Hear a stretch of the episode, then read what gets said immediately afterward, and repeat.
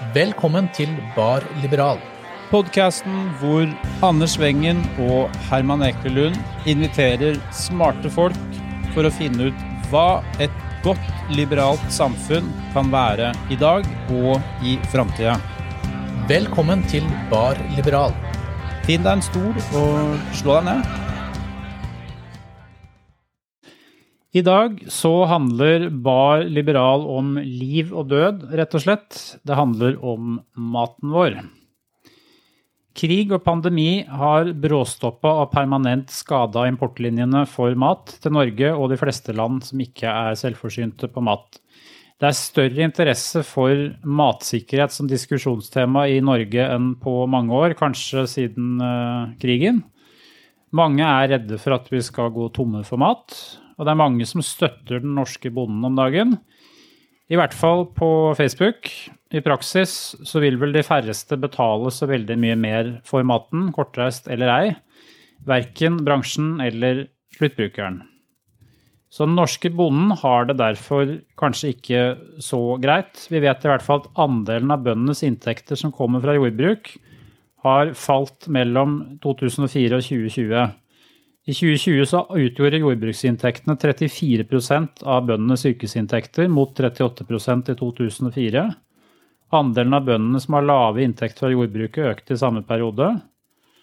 I 2020 så tjente 56% av bøndene mindre enn ett grunnbeløp på jordbruksvirksomhet. Spesielt yngre bønder har høy gjeld sammenlignet med andre grupper, og jordbrukshusholdningens gjeld har økt i perioden. Og Det gjør jo da bl.a. at andel bønder under 45 år særlig har dalt i perioden. Og Dette konvergerer jo samtidig med at antallet gårdsbruk i perioden har falt med 30% Fra 1979, som er det første året i SSBs oversikter, har antallet gårdsbruk i Norge gått ned med nesten 70% Så her er det mye som sammenfaller. Men hvor mye av det henger sammen med hverandre, det er jo ikke sikkert. Det skal vi finne ut nå hva er grunnen til denne utviklingen? Det skal vi finne ut med hjelp av følgende gjester, Anders. Ja, altså Som vanlig så har vi jo med oss uh, det beste panelet ever. Uh, denne gangen så har vi med oss Anders Nordstad. Han er siviløkonom og meningsytrer. Har en veldig populær uh, blogg og en Facebook-side. Han er tidligere kornhandler. Han er en middelmådig profesjonell fotballspiller. Det skal vi ikke snakke så mye om i dag, men det er jo interessant. Eh, og generalsekretær i Norsk Bonde- og Småbrukerlag. Eh, prøver seg nå som forfatter av boka med en arbeidstittel som heter Mat, ærlig talt.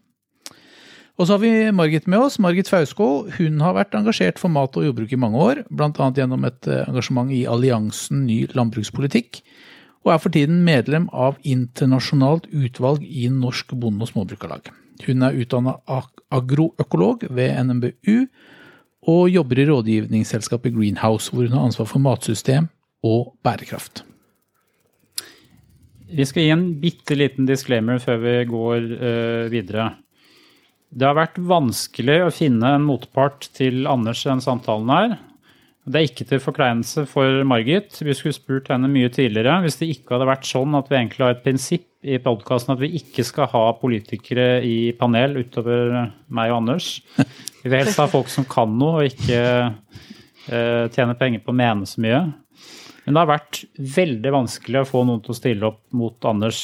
Eh, vi skal ikke bruke mye tid på det, men det her er et polarisert ordskifte.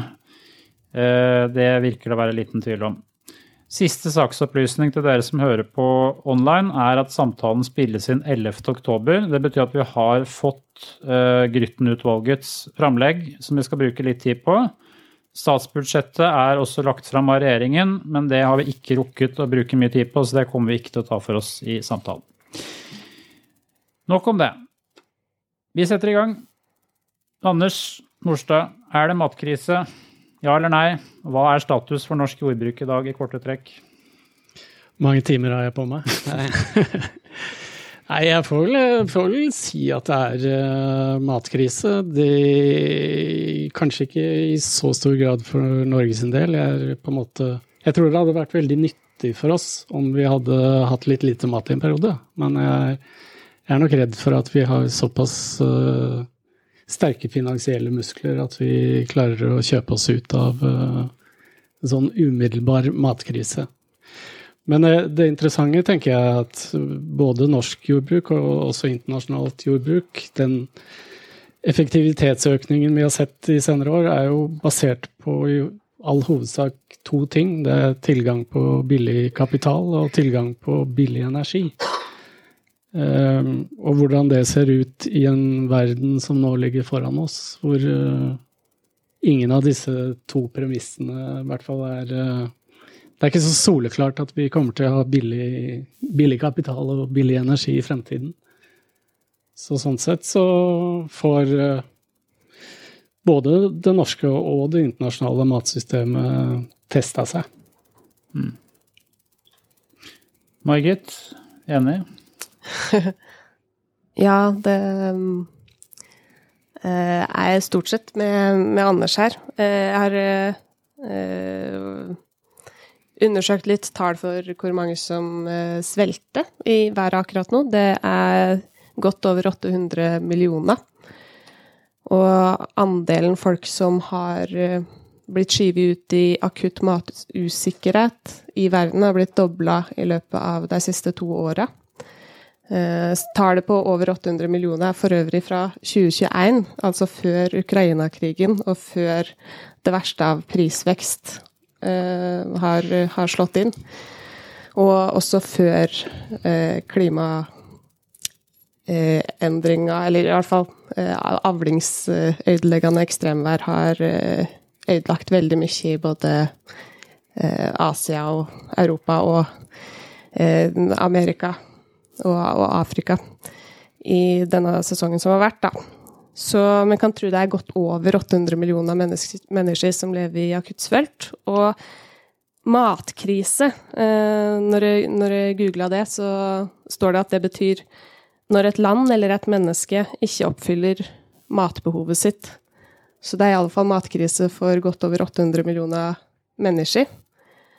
Og her i Norge så melder Matsentralen, som deler ut uh, mat til uh, de som trenger det og ikke har helt uh, råd til å kjøpe anledning til å kjøpe den maten sjøl, de melder om kraftig økt pågang. De deler ut ca. 10 millioner måltid i året, og sier at de lett kunne ha delt ut 15 millioner måltid. Så jeg eh, tror det er matkrise også for en del enkeltpersoner i Norge. Sjøl om det ikke er på nasjonalt nivå. Men er det en, er det en uh, Er den matkrisen som dere beskriver, er det en produksjonskrise, eller er det en fordelingskrise? Det er et veldig godt og veldig relevant spørsmål. FNs generalsekretær Antonio Guterres sa i juni at eh, vi kan være på vei inn i en global sultkatastrofe uten sidestykke i menneskelig historie. Og han sier at neste år kan det bli enda verre. Eh, og der det i år er, og fram til nå i de siste mange tiåra, har vært snakk om et fordelingsproblem, så kan det i løpet av ett til to til tre år reelt sett være snakk om at det ikke er nok mat i verden. Avhengig av en del faktorer, så klart. Mm. Men det er ganske alarmerende beskjed å få fra FN. Ja, det er jo det er absolutt en alarmerende beskjed. og det er liksom, Vi har jo alltid, vi som har vært politisk aktive nå, vi har alltid hørt det. At, at det er ikke egentlig det at vi lager for lite mat. Det er det at vi er noen som, som, oss, da, eh, som lager mye. Eller lager kanskje ikke så mye, det skal vi jo komme tilbake til. Men vi kjøper mye, og så kaster vi mye. Eh, og så får vi et enormt matsvinn. Og vi har jo sett på TV om, om disse potetbøndene som pløyer potetene ned i jorda igjen. Så, så det produseres jo mye mat som bare blir kasta. Og det er det som på en måte er hovedutfordringen. Men det du sier, er at det er kanskje rett og slett en produksjonskrise også.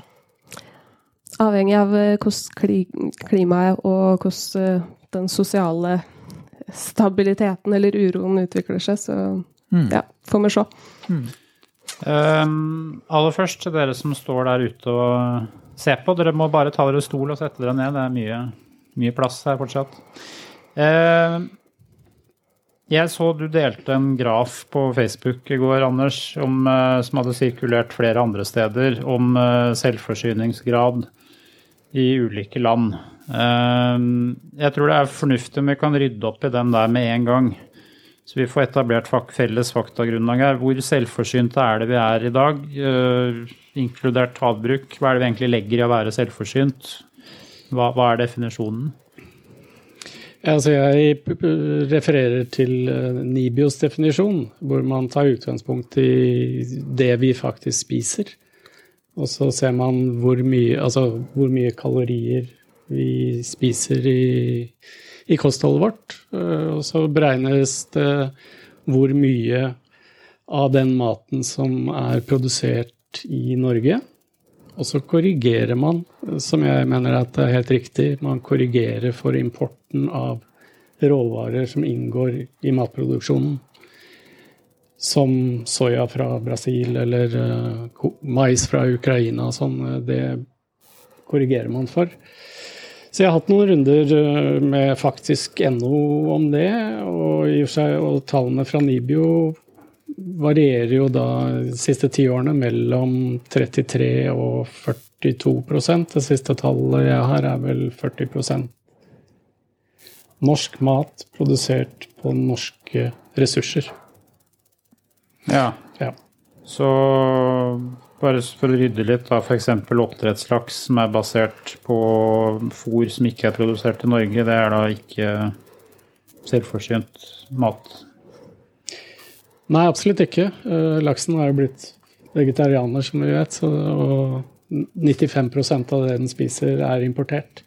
Dessuten så er jo, utgjør jo fisk en veldig liten del av kaloriinntaket vårt. Det utgjør vel ikke mer enn 1-2% av det vanlige kostholdet vårt. Og når da 95% av det er basert på importerte råvarer, så, så slår ikke fisken ut. Nei. Nei. Margit? Ja, det er litt interessant det med oppdrettsfisken, som ofte blir trukket frem som en uh, sikker kilde til eh, mat, og til å dekke det en kaller en, en dekningsgrad av mat, som altså sier hva er det vi har tilgjengelig tilfelle eh, Norge blir isolert fra resten av verden.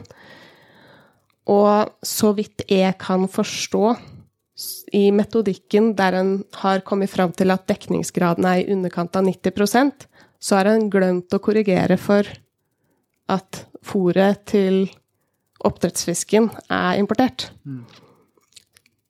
Og oppdrettsfisken utgjør ca. Eh, litt under, men ca. halvparten av eh, den fisken vi eksporterer fra landet. Målt i, målt i tonn. Ja. Så dekningsgraden reelt sett også er jo eh, lavere enn 90% heller sånn rundt eh, midt på 60-tallet. Eh, forutsatt at jeg har forstått riktig at eh, det ikke er korrigert i dekningsgraden for importert fôrråvare til laksen. Men det er altså korrigert for når en regner sjølforsyningsgrad, for der har det blitt stadig mer eh, fokus på at det skal være snakk om eh, norsk mat på norske ressurser. Så jeg mener at dekningsgraddebatten bare henger litt etter, og at det, det snart kommer.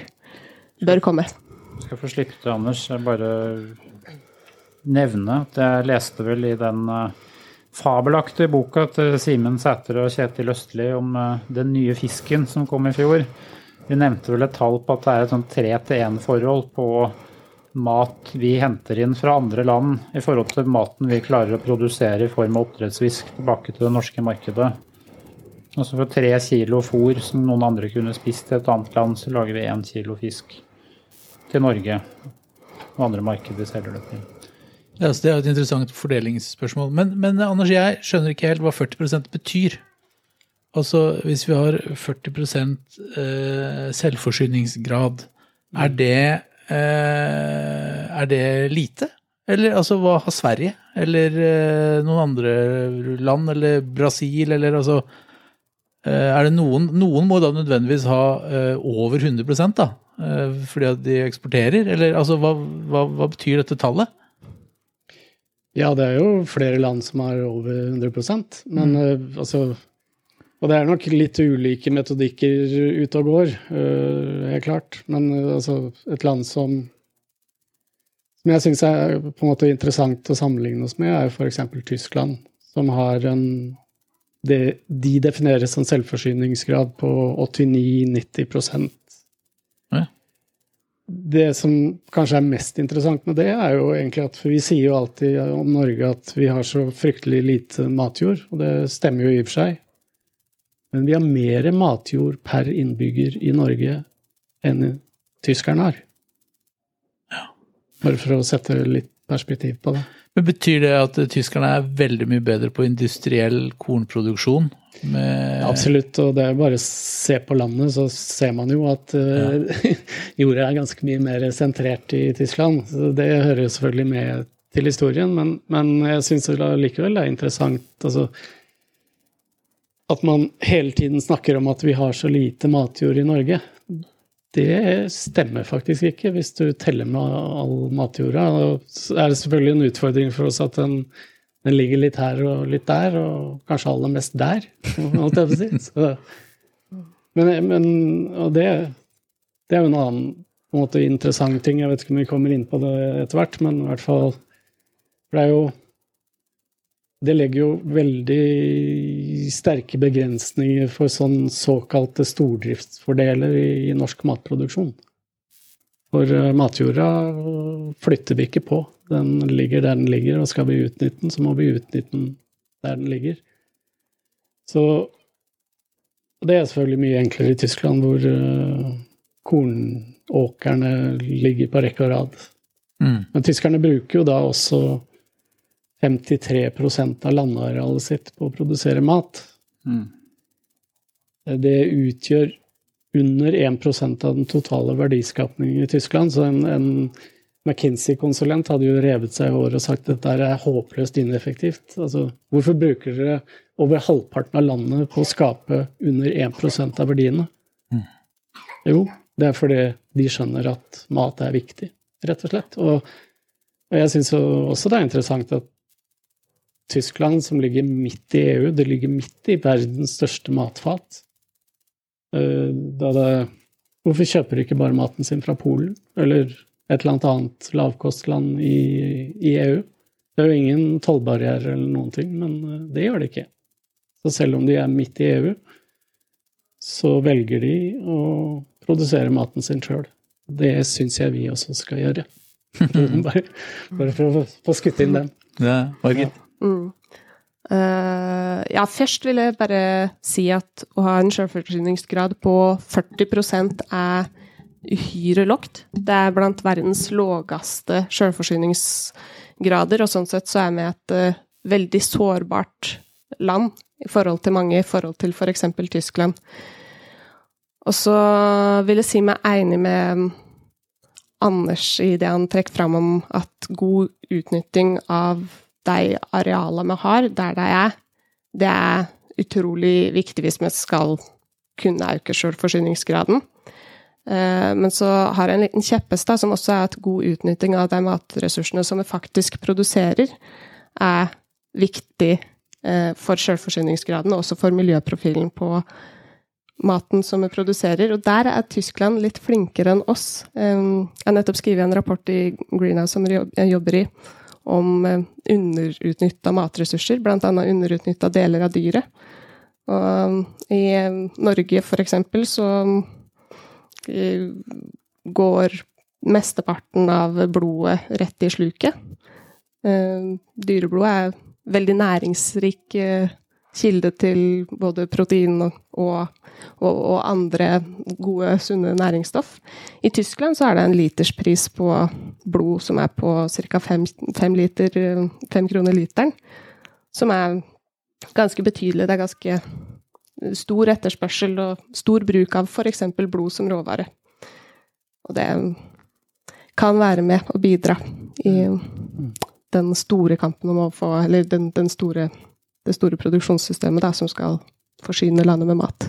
Det der, altså, det der, skjønner ikke jeg. Altså, hvorfor, Hvis det koster fem kroner literen på blod i Tyskland, hvorfor, hvorfor uh, går det sluket her, da? Er det, er det ikke marked? Vil ikke folk ha blodpudding? Er det det? Eller hva er Ja, det er vel eh, litt at det ikke er marked, og litt at det ikke er interesse for å eh, selge det. Det er også blitt trukket frem at vi har veldig strenge, utilpassa regler i, eh, fra Mattilsynets hold, som gjør det vanskelig for slakterier å i praksis eh, få det godkjent, da, særlig storfeblod. Så det er en hel haug med noen barrierer som jeg mener at definitivt kan imøtekommes og bør imøtekommes i møte med en verden der vi har økende energipriser, en eskalerende klima- og naturkrise og eh, stadig større matusikkerhet. Anders? Ja, du, du, var inne på dette med matkasting, og det syns jeg er litt viktig at vi bruker litt mer tid på. For det, det er utrolig mange paradokser når det gjelder matsystemet vårt. og Noen av de største er jo på en måte at vi først bruker utrolig mye energi på å produsere råvarer. I form av korn og planter og alt mulig. Og så bruker jo matindustrien enda mer energi å ødelegge den maten i form av ultraprosessering og sånn. Som altså 60-70% av de matvarene vi får kjøpt i butikken i dag, er det som kan kalles ultraprosessert. Og så tar vi og kaster bortimot 30% av det igjen. Altså nå, nå, vet jeg Jeg har lært at man ikke Jeg lærte på barneskolen at man ikke bruker energi. Altså den endrer bare form. Men vi legger jo Altså moderne matproduksjon legger jo beslag på helt sjukt mye energi. Og er det Det er jo ikke bærekraftig. Og, og, og kanskje det aller verste er jo nettopp den matkastinga. Altså, mm. tenke på all den energien som er bundet opp i å dyrke det, prosessere det, få det ut i butikk. Og så har det på en måte blitt så billig at vi bare pælmer det. Eh, eller store deler av det. Det er eh, Hvis vi skal snakke om lavt hengende frukter, så er jo, mm. er jo det den, den som henger. Rett og slett. Ja. Nå er du litt inne på um, barrierer her og strukturelle utfordringer. Da er det naturlig å ta oss litt over til uh, markedet og strukturene sånn som det fungerer i dag. Eh, kan den av dere som føler seg mest kompetent, forklare oss matmarkedet i Norge slik det fungerer i dag, i korte trekk, og opplyse oss? Skal jeg ta den? Ja, jeg syns du skal ta den. ja, vi, vi, har vel et herlig sammensurium av litt sånn planøkonomi, og så er det fri, fri, på en måte fritt marked. Eh, jeg er jo veldig opptatt av at vi egentlig ikke har noen eh, konkurranse i, på matmarkedet i Norge. Vi har på en måte tre private aktører som har bygget opp hver sin hermetisk lukkede infrastruktur for omsetning av mat. Uh, de er ikke spesielt interessert i konkurranse seg imellom heller. Hvem er de tre? Norgesgruppen, Coop og Reitan, som har 90 ja, så har du Lykke har vel 3% eller noe sånt. Så samarbeider disse igjen om eh, enda færre enheter nedover i, i næringskjeden, ikke sant? Med distributør og så videre? Ja, altså hvis vi går tilbake på tidlig 90-tall, så hadde vi på en måte butikker. Det var det, var det som var dagligvarehandelen da. Så skjønte vel Stein Erik Hagen var vel den første som skjønte at det er ikke det er ikke nok penger å tjene på butikk, så da må vi også ta grossistdelen, og vi må ta distribusjonsleddet. Det er jo der de virkelig tjener penger. Men de stopper jo, stopper jo ikke der. De fortsetter jo å grave seg lenger altså bakover i verdikjeden, og altså på grønt, grønt Altså i grønnsaksdisken så er det jo fullt integrert helt tilbake til bonden. Eh, de har hvert sitt store industrielle bakeri, så der har de på en måte tatt over mye av verdikjeden. Eh, kjøttdisken så er det en litt sånn lett blanding, men der er det jo også utkrystallisert seg at det er dagligvarekjeden som styrer kjøtt, Altså de har integrert seg, Norgesgruppen har jo alliert seg med Nortura. Reitan har bygget opp uh, Nordfjordkjøtt, og, Coop har det samme Fatland. Så, så, du kan si slakterivirksomheten og prosesseringsvirksomheten på kjøtt har blitt en integrert del av dagligvarekjedene. Hvordan er hverdagen da for en ta denne Det var jo flere enn meg sikkert som felte tårer over denne gulrotbonden i Nordland som uh, var i Klassekampen og fortalte om sin uh, triste skjebne. Mm. Hvis denne gulrotbonden her skal inn og få solgt uh, gulrøttene sine, hvil, hvilke ledd er det vedkommende da må få avtale med og bli si, antatt hos før varene kommer ut på markedet? Hvis han skal i butikk, så er det bare to muligheter. Det er Bama, uh, som på en måte igjen styrer uh, Gartnerhallen. Da. Og Gartnerhallen er Gartnerhallen er på papiret et samvirke, men det er jo Bama som styrer virksomheten deres. Og så har Coop bygget opp sin uh, virksomhet som heter Nordgrønt, så det er egentlig bare to aktører. Altså Bama eies av Norgesgruppen og Reitan. Han bonden her han påstår i hvert fall at han hadde avtale eller intensjon fra Rema 1000 om å kjøpe inn en haug med gulrøtter, men så fikk han ikke medlemskap i dette gartnerhallen, og derfor så var det mm. masse gulrøtter i, i søpla, holdt jeg på å si. Ja, det er eh, de, de Altså Jeg har I den perioden jeg var generalsekretær i Norsk Bonde- og Småbrukarlag, fikk jeg nesten daglig meldinger fra grønnsaksbønder som var eh, fortvilet over at de ikke fikk noe markedstilgang. Eh, de turte sjelden å like innleggene mine en gang på Facebook, fordi de visste at det ville medføre represalier, rett og slett. For på grønnsaker så er det jo heller ikke mottaksplikt, ikke sant? I motsetning til på egg og kjøtt og melk. Nei, det er på en måte ren kontraktsproduksjon. Men hvorfor, hvorfor er det sånn? Hvorfor garanterer vi å ta imot alt det andre og ikke grønnsaker? Hva er rasjonalet bak det? Ja, Det må du spørre en som kan historien enda bedre enn meg. Eh, men det har jo vært mye det har vært mye rart som har skjedd i grøntnæringen og i gartnerhallen opp gjennom årene. Jeg tror ikke vi skal dvele altfor mye over det. Men uh, status er i hvert fall at vil du i butikk i Norge, som, og du vil i Norgesgruppen eller Reitan-systemet, så må du bli tatt opp som medlem i gartnerhallen. Uh, og da kan du jo stille visse krav til det, selvfølgelig. Mm. Som kan være vanskelig å, å nå. Margit? Mm.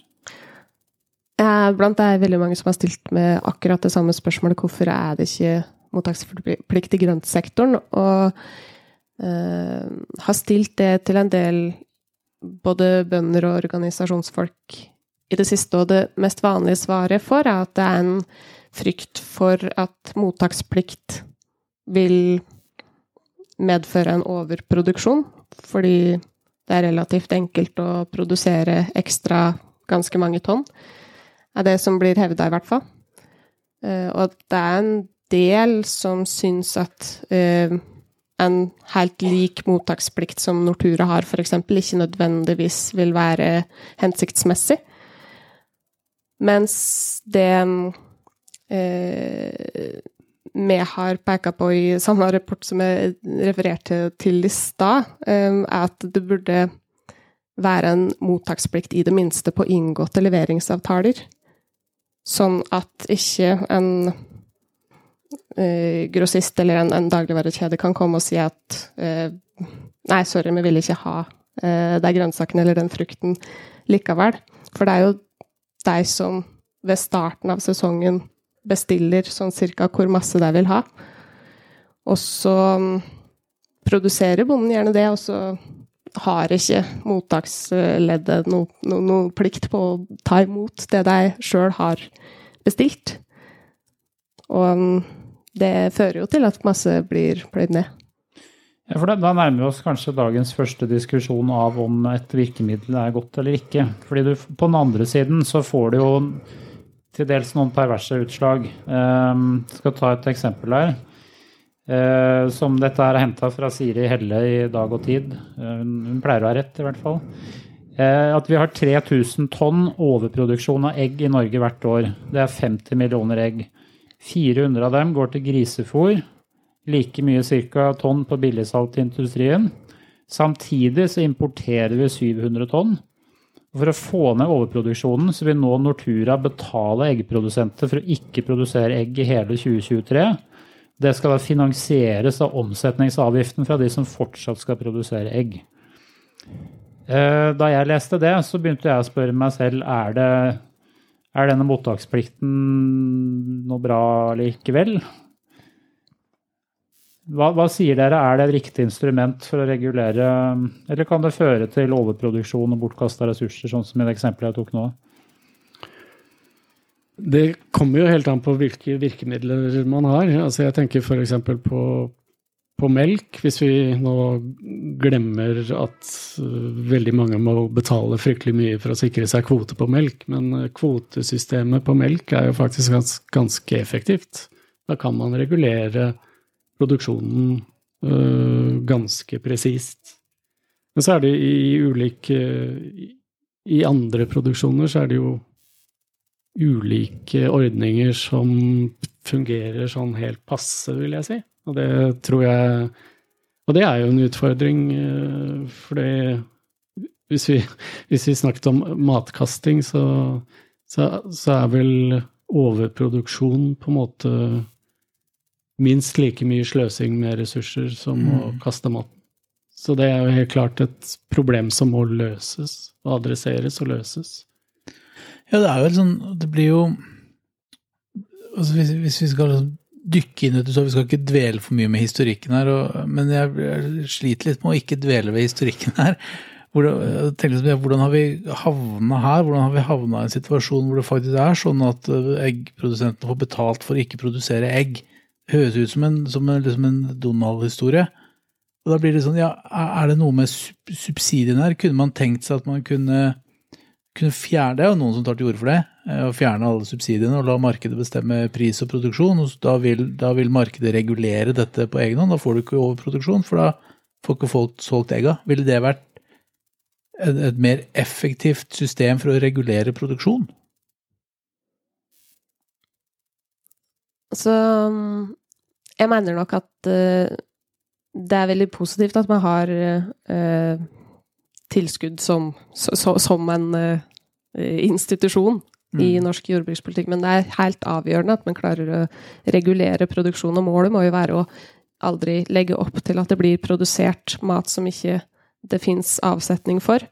Og det er jo uh, Det blir jo produsert mat som det ikke er avsetning for. Delvis på grunn av Eh, for så vidt eh, at tilskuddet er innretta mot eh, volum heller enn andre ting, sånn som arealbruk, sånn som skjøtsel av biologisk mangfold, sånn som dyrevelferd, for å nevne noen eksempel på hva en kunne brukt tilskuddene på i stedet for det.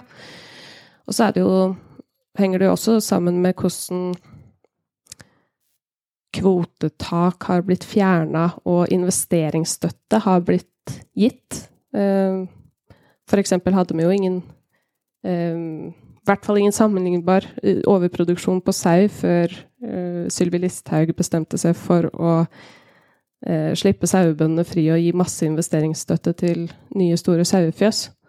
Og da blei det jo veldig mange nye, store sauefjøs som overlessa det markedet ganske fort. Og det er jo gal virkemiddelbruk i aller mm. høyeste grad å, å gi investeringsstøtte til sånt. Og det kan jo diskuteres også om noen eggprodusenter har Altså at det burde vært brukt insentiv for å gjøre det vanskeligere å komme inn som eggprodusent. Um, for, som et mulig tiltak for å motvirke den overproduksjonen av, av egg som vi har i Norge også. Ja, du, du, svarer jo godt der. Et element som du er litt inne på her, er jo selvfølgelig målet mange har, i hvert fall, om å ha et desentralisert landbruk i, i hele landet vårt, inkludert det vi kan kalle ikke-lønnsomme gårder. Det virker jo som dagens markedsstruktur, eller blanding av planøkonomi og markedsstruktur, ivaretar det sånn passe. Eh, Anders, er det noen grunn til å tro at mer marked kunne eh, hjulpet til med en desentralisering, eller er det helt andre virkemidler som må til for å komme dit? Jeg, jeg, Her kan det bli en pen overgang til jordbruksoppgjøret òg, hvis du vil. ja, nei, altså Jeg pleier å dra fram eh, Altså, hvis vi ønsker en egen matproduksjon i landet vårt med si, de noe ugunstige topografiske forholdene vi lever under, og et kostnadsnivå som er eh, så høyt som det er, så er vi nødt til å bruke penger og støtte matprodusentene med tilskudd, rett og slett. Um, og så, så, kan man Så er det ikke alt det som fungerer uh, så veldig bra. Jeg er veldig enig med Margit om at i dag så er veldig mye av virkemidlene orientert på volum, altså enten antall kilo, liter eller areal. Jo større du blir, jo, jo mer tilskudd får du. Uh, der tror jeg vi må tenke nytt, og heller se om produksjonstilskuddene skal ytes til, um, til på, på, annet vis, altså på produksjonsmåte og dyrevelferd og alt sånt. Og så tror jeg det er Jeg har jo havna i mange diskusjoner om, med sånne som er veldig tilhengere av frihandel. og Da pleier jeg å minne dem på at EU bruker bruker noe sånt som 600 milliarder kroner i året på å støtte sin egen matproduksjon. Eh, så det blir litt dumt å snakke om frihandel, at, mm. at det er frihandel. Eh, det er eh, Altså de EU målt mot BNP eller i, som andel av statsbudsjettet bruker omtrent akkurat like mye på å støtte sitt eget jordbruk som, som Norge gjør og det er nødvendig. Altså, og jeg mener at uh, hvis politikerne skal beskjeftige seg med noe som er viktig, så må det i hvert fall være mat. Noe særlig viktigere enn mat fins jo rett og slett ikke. Og, og sånn sett så er, mener jeg det er helt riktig at uh, jordbruk og matproduksjon er en politisk næring. Uh, det er vi alle vi som er her, er avhengig av mat eh, tre, fire, kanskje fem ganger om dagen. Og at, at, vi skal på en måte overlate det til et såkalt frimarked, det, det er uansvarlig, syns jeg, da. Men forklar oss uh, til de uh, som ikke leser Nasjonen to ganger daglig, hvordan er det jordbruksoppgjøret fungerer? Ta det i korte trekk. Det må bli veldig korte trekk. Nei, altså Jordbruksoppgjørene det er jo en, en, rett jordbruket har til å forhandle om sine økonomiske betingelser en gang i året. Det er basert på hovedavtalen som ble laget i 1950, revidert i 1992. Så der får, har jordbruket mulighet til å fremstille sitt krav som, som, det heter. Og så får de et uh, tilbud fra staten etterpå. Det intrikate da, er jo på en måte at dersom jordbruket ikke syns noe om tilbudet fra staten og ikke vil forhandle om det, så er det statens tilbud som blir stående. Ergo så forhandler jo bøndene stort sett hvert år, med unntak av det ene året jeg var generalsekretær. Da var det fort gjort. Da ble det brudd tvert. Ikke det at det hadde med meg å gjøre, altså. Nei, men eh, så det er jo Og sånn sett så er det jo Jeg pleier å si at norske jordbrukere blir jo på en måte ja, Tvunget er kanskje litt sterkt, men altså, de, de må på en måte forhandle i håp om å få noe få noe mer ut av det enn det staten eh, kom med opprinnelig. Det som er litt snaggy med det, er jo at i ettertid så vil jo da staten kunne si at ja, men vi forhandla jo, og vi ble jo enige. Det er en sannhet med modifikasjoner. En slags sånn hersketeknikk? Det er en slags hersketeknikk, og hele opplegget er jo ikke det er jo ikke laget for jordbruket sin skyld, først og fremst. Det er for at staten skal ha kontroll på kostnadene forbundet med matproduksjon. Ja, for at statsministerens kontor skal sette hva målprisene skal være, og hva forbrukerne skal betale for maten uh, osv. Men som du sier, så er det jo Unnskyld. Jeg vil gjerne skyte inn noe der. Altså, det var kanskje Hvis vi går 30 år tilbake i tid, eller kanskje enda lenger, 40 år, så, så var jo maktforholdene i matomsetningen helt annerledes. Da var det jo litt sånn at ok, da var det målpris på melk og kjøtt og sånn. Og butikkene de slang kanskje på et lite påslag på det, og så ble det på en måte prisen forbrukerne måtte betale. Da var det en skal si, en mer direkte link mellom de politiske målprisene og prisen vi måtte betale i butikk. Men alle som interesserer seg litt for økonomi og for mark hvordan markedet fungerer, vet jo i dag at prisene i butikk de bestemmes jo ikke av kostnader, de bestemmes av kjøpekraften vår og betalingsviljen vår. Så så på en måte makten har blitt snudd litt på hodet, da. Så det er ikke, det er ikke, det er ikke lenger sånn at hvis eh, målprisen øker med tre øre, så blir eh, melka tre øre dyrere. Dagligvarekjedene selger, uh, selger melk og brød til den prisen vi er villige til å betale. Hadde, hadde, hadde en norsk kornbonde gitt bort kornet sitt gratis, så hadde brødet fortsatt kosta 41 eller 42 eller et eller annet i butikken. Det er garantert. Jeg så du hadde noen, noen, noen uh, poster tidligere år hvor det sa, når, når dagligvarekjeden sa at nei, nå, nå, har vi hatt så dyrt jordbruksoppgjør, og nå blir maten veldig mye dyrere i butikken. Og så, så, så måtte, argumenterte de med det som en årsak, og da var du veldig tydelig på at ja, det, det henger ikke sammen. Det henger ikke sammen. Det henger ikke på greip i det hele tatt. Men uh, tydeligvis så Ja. Det er nesten litt merkelig at de klarer fortsatt det narrativet sitt om at de, de presser priser og gjør ting billig. De, altså, jeg er utdanna kjøpmann selv. Jeg, hvis du er kjøpmann, så selger du så dyrt du kan. Punktum. Mm. Mm. Mm.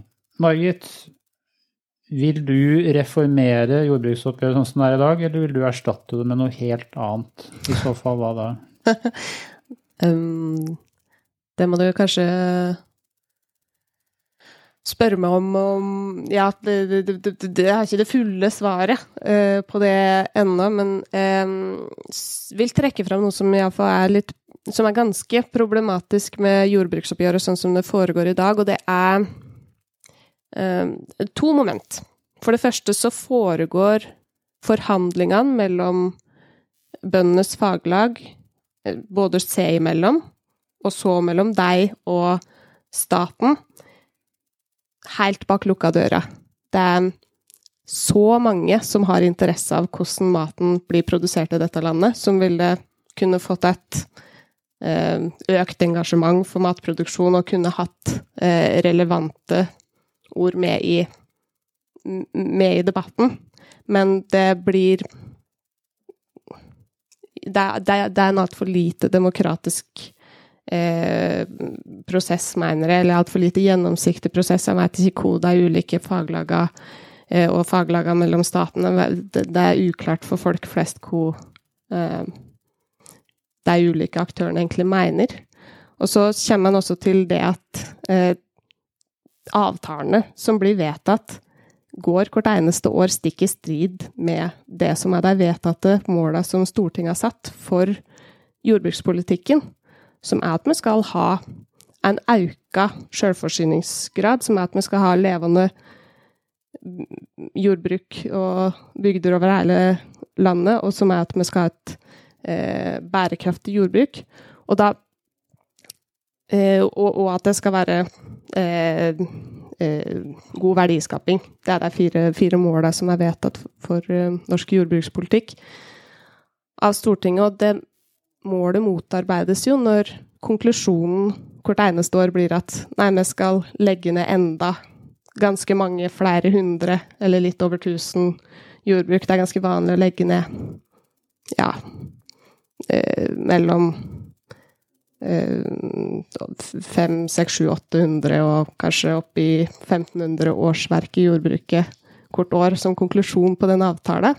Det betyr jo i praksis en sentralisering til færre og større bruk, som også i praksis betyr at en fjerner bønder fra sitt naturgitte ressursgrunnlag, og i større grad baserer produksjonen på innsatsfaktorer som ofte kommer langvekst ifra.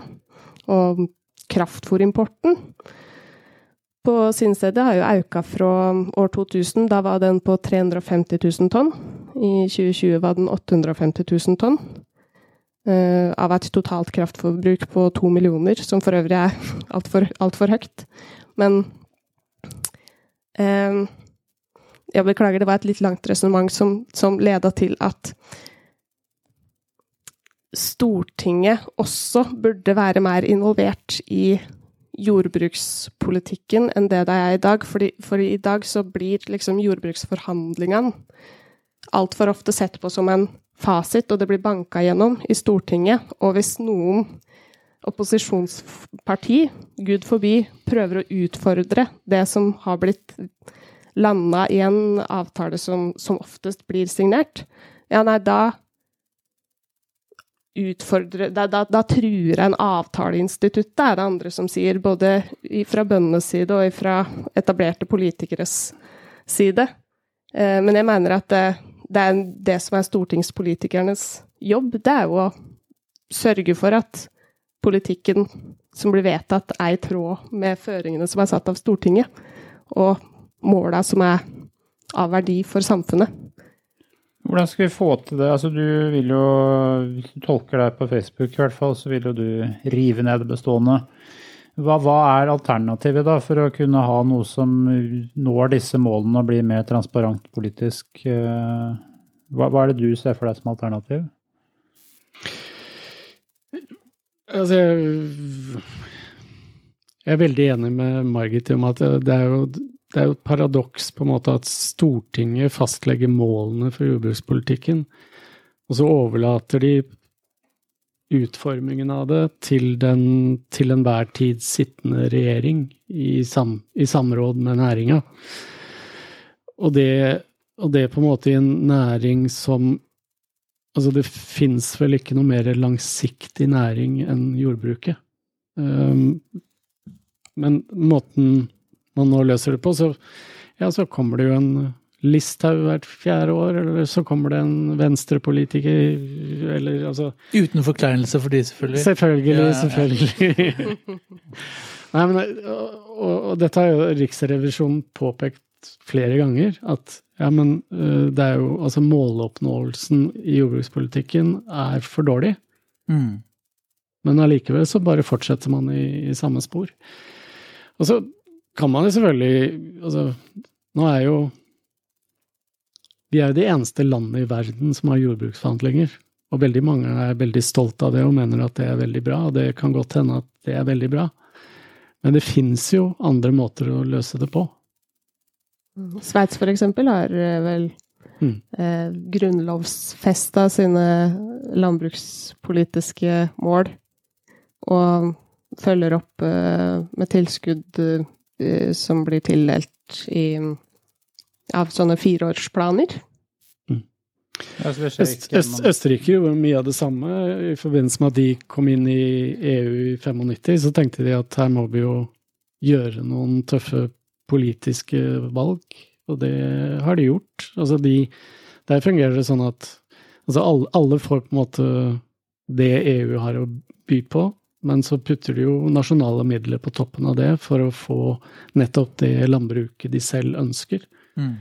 Det er litt sånn så enkelt som sveitserne ja, De hadde jo folkeavstemning. De tenkte sånn Skal vi ha vår egen matproduksjon? Hvilke verdier har det for oss som land, utover at det blir mat, selvfølgelig? Og det er jo ikke så vanskelig å peke på masse verdier. Hvis dere har vært i Sveits eller Østerrike, så, så, skjønner man hvorfor de har, har landbruk eh, også der hvor det er eh, så bratt at uh, folk nesten ikke kan bo. Altså, så, så de, de, bare bestemte seg for det, og da ble neste spørsmål ok, hvor mye koster det? Og så er det en fordeling hvor mye skal vi ta via skatteseddelen, og hvor mye skal vi ta i butikk, på en måte. Altså hvor mye skal konsumenten betale direkte, og hvor mye skal man betale indirekte. Og sånn er det jo mm. i Norge òg. Ehm, og jeg mener at skal vi ha en god matpolitikk, så koster den mer enn en dårlig matpolitikk. Og så må vi bare finne ut hva det koster, og hvilke tilleggsverdier det gir oss som land. Og så må vi lage fornuftig fordeling av den prislappen. Hva skal, hva skal skje via skatteseddelen, og hva skal betales i butikk. Ja, Der spiller vel disse kjedene en rolle også, da. ikke sant? Eh, ja. Fordi Da er vi tilbake til er det fordeling, eller, eh, eller er det mangel på penger? Det kan hende at det er et lite fordelingselement eh, inni bildet her òg, da. Ja, absolutt. Og det er vel den store utfordringen, utfordringen spesielt for jordbruket, når man ser på hele verdikjeden for mat fra råvareprodusent til butikk, så er det jo en utrolig skjevfordeling av hvem som ender opp med de store verdiene. Det mm. kan man jo bare se på rikinglista til Kapital, så skjønner man fort at uh, det er veldig lønnsomt å selge billig mat. Ja, når Kiwi står på reklamen og sier at uh, vi gir oss aldri på pris, så er ikke det fordi de har sittet og venta på årets uh, oppgjør og innretter seg etter de nye prisene som er satt. Det gjør vel de uansett. Mm. Men hva, uh, hvordan skulle noe sånt opplegg sett ut da i Norge? Skulle man sett for seg da at liksom når statsbudsjettet fra regjeringa kom nå på torsdag, så skulle det vært et eget kapittel for landbruket for neste år, med påfølgende høringsdebatt i komiteen til uka og forhandlinger inn til jul. Hva, hva hadde vært liksom Se mitt politikerhode skal forstå det her. jeg vet ikke om eh, Margit vil ha det, men nei, men altså Jeg har ikke tenkt ut det i detalj, jeg, altså. Men, men uh, Margit er inne på noe veldig vesentlig som er en svakhet med dagens modell, er at man eh, Først så har man jo det som heter Budsjettnemnda for jordbruket, som forsøker etter beste evne å finne fram noen tall. Jeg har selv sittet i den nemnda, jeg kan vel si at eh, noen av tallene er ganske bra, noen er ganske fantasifulle, og, det er utrolig vanskelig å på en måte beskrive eh, norsk matproduksjon gjennom et sett med Excel-ark. Eh, det har jo Grytten også oppdaget, at det, det, er ikke så like til. Men, men Så man, man eh, baserer på Man baserer jo forhandlingene på et tallmateriale som de aller færreste forstår noe særlig av. Uh, knapt nok de som uh, forhandler, uh, mistenker jeg litt. At eller det er mye usikkerhet ved det, og så er det, som Margit sier, at man, eh, man stenger seg inne bak lukkede dører og forhandler om et eller annet. Og så 16. mai så kommer man ut med et eller annet som alle er misfornøyd med, og, og som det jo viser seg at i svært liten grad bidrar til å nå de målene som Stortinget har eh, fastlagt for eh, skal være målene for politikken. Og da, da mener jeg at da må man jo på et eller annet tidspunkt uh, stille seg spørsmålet ja, men er dette her så lurt, da? Mm. Kan vi ikke finne en bedre måte og en mer treffsikker måte å gjøre dette på? Apropos Grytten, uh, som du var inne på nå. det Grytten-utvalget uh, la jo fram det vi kom fram til nå 3 oktober. Og som du var inne på, så var det jo litt vanskeligere enn man trodde kanskje å få full klarhet i hvor mye norske bønder eh, tjener, og hva som skal til for å tette dette såkalte inntektsgapet. Om man skal skille på inntekt fra arbeid, inntekt fra kapital osv. Mm. Eh, Men Margit, du kan eh, gjerne få svare på følgende. Tror du at norske bønder noensinne kommer til å få en levelig helårsinntekt på kun å være bonde? Det er jo mulig, eh, hvis det er målet. Nei, nå tenker jeg at det også kan være fint å legge til rette for at folk kan være frivillige deltidsbønder. Altså at de ikke jobber 200% som bonde og får eh, betalt 50% men at jeg kan jobbe 50% som bonde og få betalt 50 eh, tilsvarende en 50% stilling for det, og ha en 50% eh, tilleggsinntekt gjennom binæringer og sånn, har jeg jo ganske sansen for at det skal være tilrettelagt for. Det har jeg jo bare lyst til å si. Men tror også at det er fint at landet har heltidsbønder, eh, og har ganske mange heltidsbønder. Og jeg må jo si at jeg ønsker å ta eh, sittende regjering på ordet, at jeg ønsker en reell inntektsjevnstilling. Og syns det er et eh, helt betimelig krav, og også en stadig større nødvendighet for samfunnet, tror jeg stadig flere i samfunnet også ser. At det vil være stadig større oppslutning om det, sjøl om det kan um, gjøre at vi må bruke mer, mer budsjett på det. Så Hva, hva er det gapet? Da har vi klart å finne ut av det gjennom Gytten-utvalget, hva som er dette inntektsgapet? Hva, hva, hva skal til for å tette det, eller er vi fortsatt uenige om eh, faktagrunnlaget? Jeg, jeg drista meg vel til å si etter at Grytten-utvalget kom at eh, dette ble et tåkelegging av tåke. Eh, At han faktisk ikke vet så veldig mye mer enn man visste fra før.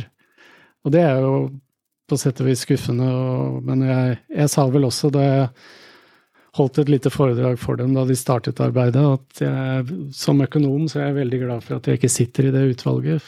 For å skulle beskrive økonomien til bortimot 40 000 bruk av helt ulik størrelse, omfang, geografi, natur, alt mulig, det er bortimot en uh, umulig oppgave.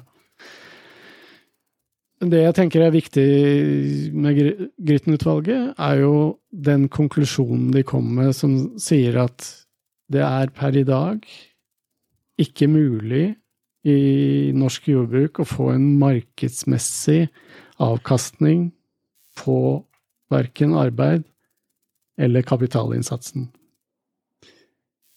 Jeg har regna litt på det selv og, og sagt at hvis jordbruket skal eller hvis lønnsomheten skal være sånn at jordbrukeren kan ta ut en lønn tilsvarende en, en arbeidsinntekt i samfunnet, så må han i dag akseptere at avkastningen på den, eller den kapitalen han også må putte inn, ligger et sted mellom minus 10 og minus 20 Mm. Så kan man jo lure hvor lenge ønsker folk å være matprodusenter hvis de for å kunne få en lønn som på en måte er sammenlignbar med resten av samfunnet, at de må akseptere at mellom 10 og 20% av egenkapitalen deres forsvinner hvert år. Mm. Altså I løpet av fem til ti år så er den egenkapitalen man gikk inn med, mest sannsynlig borte. Det er et uh, stort tankekors. Det er jo utrolig at det fortsatt er 40 000 bønder, da. Ja. Hvorfor er de bønder, da? Jeg har hatt gleden av å treffe ganske mange, og for å si det litt sånn flåsete, mange lever for å produsere mat, og ikke av å produsere mat. Det, og jeg kan jo til en viss grad forstå det. altså Fins det noe mer meningsfull jobb å ha enn å produsere mat til resten av befolkninga? Det er idealisme. Det er i en stor grad av det. Og så er det selvfølgelig Det er ikke så lett og hvis du er åttende generasjon på en gård i Sør-Trøndelag og sier at jeg skal bli den som la ned drifta her, fordi jeg hadde studert litt økonomi og skjønte at dette, dette henger, ikke, henger ikke på greip. Ja, Vi Så- ser jo mange situasjoner hvor det er generasjonsskifte er problematisk. For at du får da en oppvoksende generasjon som har vært på universitet og regna i tillegg ser at de har lyst til å leve andre liv enn det man levde for 40 år siden. Og har ikke lyst på 16 timers arbeidsdager, men 8 timers arbeidsdager. Har lyst til å ha tid til å gå på fotballtrening. Altså, det, er, det er jo en generasjonsskifteutfordring også, hvor, hvor denne type problemstillinger absolutt er relevante. da. Absolutt.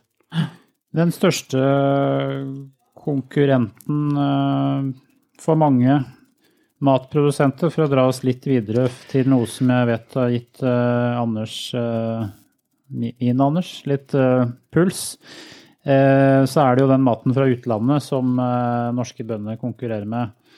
Ehm, her vet jeg at eh, Anders og Anders hadde litt eh, ulikt syn på på en sak eh, i fjor, tror jeg, Anders. Du kan få ta over. Jeg veit ikke hvor, hvor ulikt syn eh, vi egentlig hadde, men, men eh, Anders hadde jo en post hvor han, eh, hvor han harselerte litt over eh, kjøttproduksjon i Namibia. Og det at vi importerte kjøtt fra Namibia til, til Norge, og at det eneste som satt inn med gevinsten på det, var jo egentlig eh, grossistene eh, og, og, og kjedene.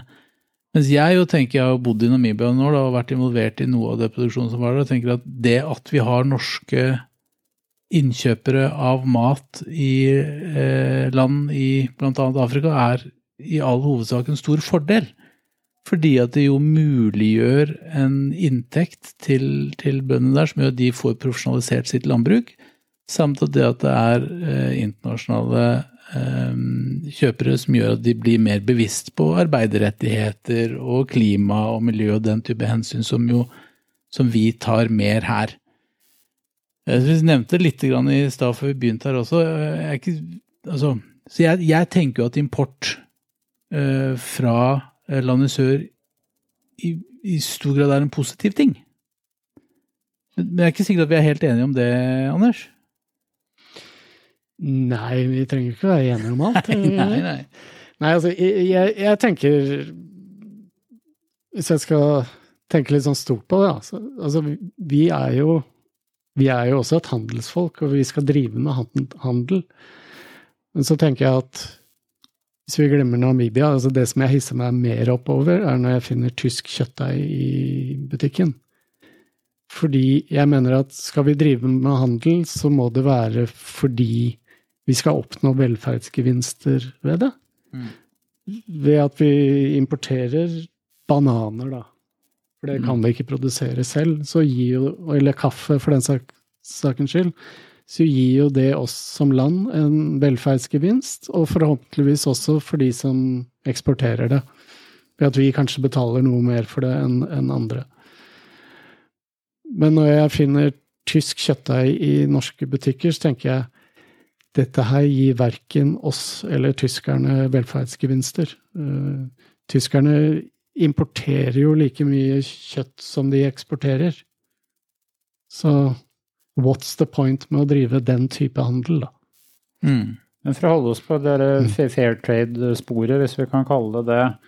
Mm. eh, Du kan få svare på det, Margit. Eh, Er det rom for oss for å redde verden hvis vi samtidig skal redde norske små desentraliserte gårdsbruk? Kan vi drive med begge deler? Har vi et importansvar oppi alt dette?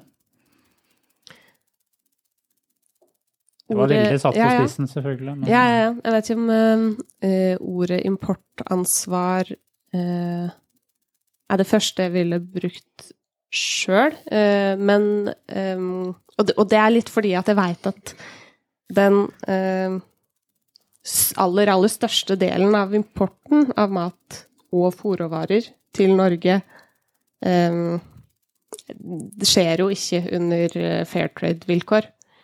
Eh, Men når det er sagt, da, så ønsker jo jeg at vi skal handle eh, med mat som et supplement til en god Se en god, god grunntone av høy selvforsyningsgrad i Norge. Med, da primært, primært med varer som jeg har eh, overskudd av, sånn som eh, eh, norsk fisk. Eh, kan vi selge litt av, og importere fair trade, eh, f.eks. frukt og, og, kaffe. Det tenker jeg er, er en fin del av et eh, Ja, at det, det, det kan begge parter tjene på. Men det er, det er veldig viktig også å huske at fra fattige land som importerer fra, så er det Nei, det er veldig ofte at de har mista tilgangen Småbønder har mista tilgangen til jord eller makten over matproduksjonssystemet der de er, fordi det er større eh, industrielle aktører og selskap som ønsker å bruke den eh, jorda, de ressursene, det vannet, mm. til å produsere f.eks. soya, som går til eh, europeiske og norske dyr og, og fisker. Men én ting er jo det Anders snakka med bananer og, og kaffe og, og, sukker. Jeg har faktisk laga sukker i hagen, så det, det, er mulig, men ikke, ikke det andre. Eh, men, men, derimot de tingene som jeg er eh, godt egnet til å drive med i Norge, eh, som også utlendinger er godt egnet til å drive med, der må det jo være tollbarrierer på en eller annen måte eh, hvis vi skal gjøre en del av produksjonen eh, konkurransedyktig. Er det ikke et etisk dilemma her? Altså, I mitt eh, hode så er det jo umulig å sikre den konkurransekraften uten å skyve noen andre ut. Har jeg misforstått? Det er ikke et sentralt eh, det, det, det, det, er ikke et krav i, fra verdens største småbrukerorganisasjon, som heter La Via Campesina, som for øvrig Småbrukarlaget er en del av.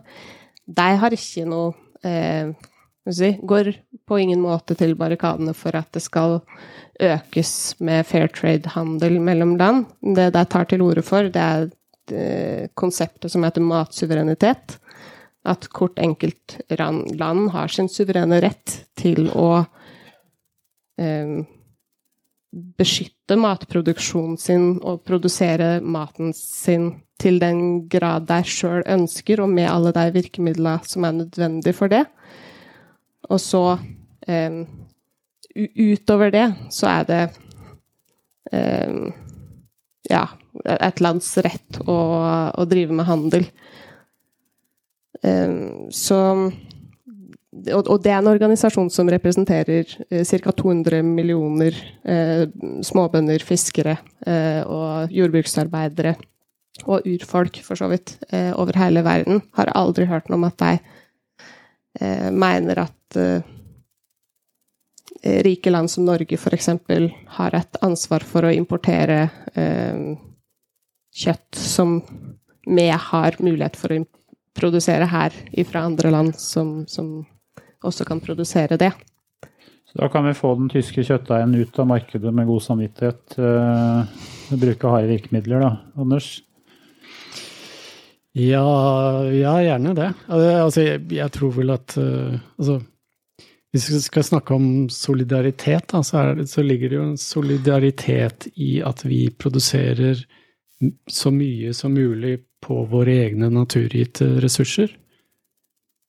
Så vi slipper å kjøpe maten ut av munnen på, på andre. Ja.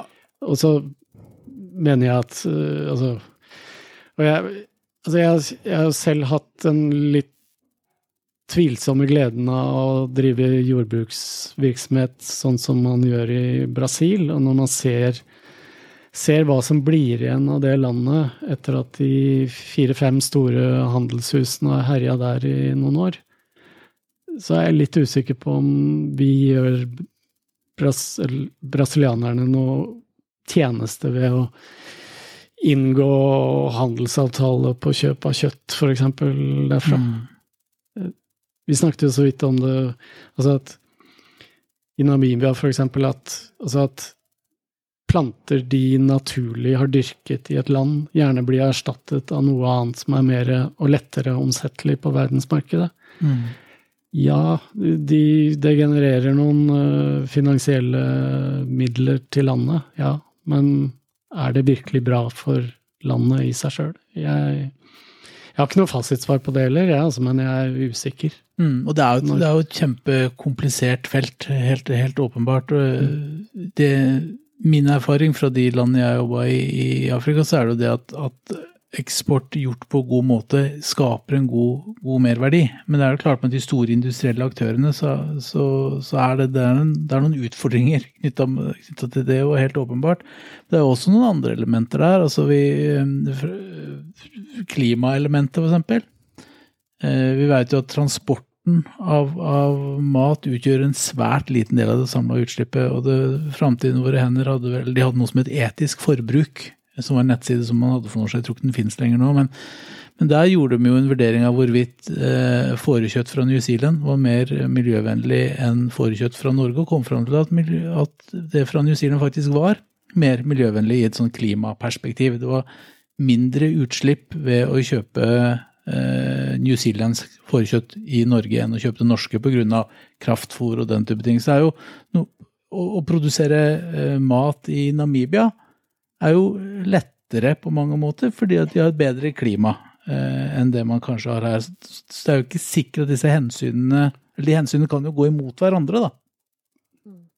Eh, så da blir det jo en avveining. Eh, hva, hva, er viktigst? Er, er, vår egen matsikkerhet viktigere enn f.eks.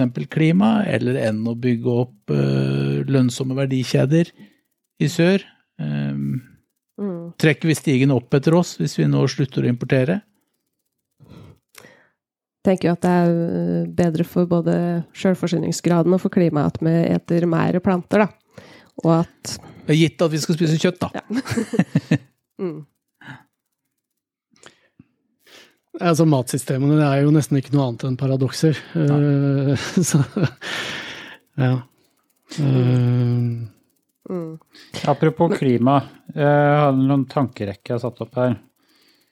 Hvis vi kutter subsidiene for kjøttproduksjon og setter strengere krav til dyreetisk forsvarlige standarder for kjøttproduksjon, så kommer både klimautslippene til å gå ned, befolkningen blir sannsynligvis uh, sunnere, bøndene kan dyrke mer korn, dyrene får det bedre, og bøndene kan fortsatt holde på med kjøtt siden prisene går opp. Holder det resonnementet vann?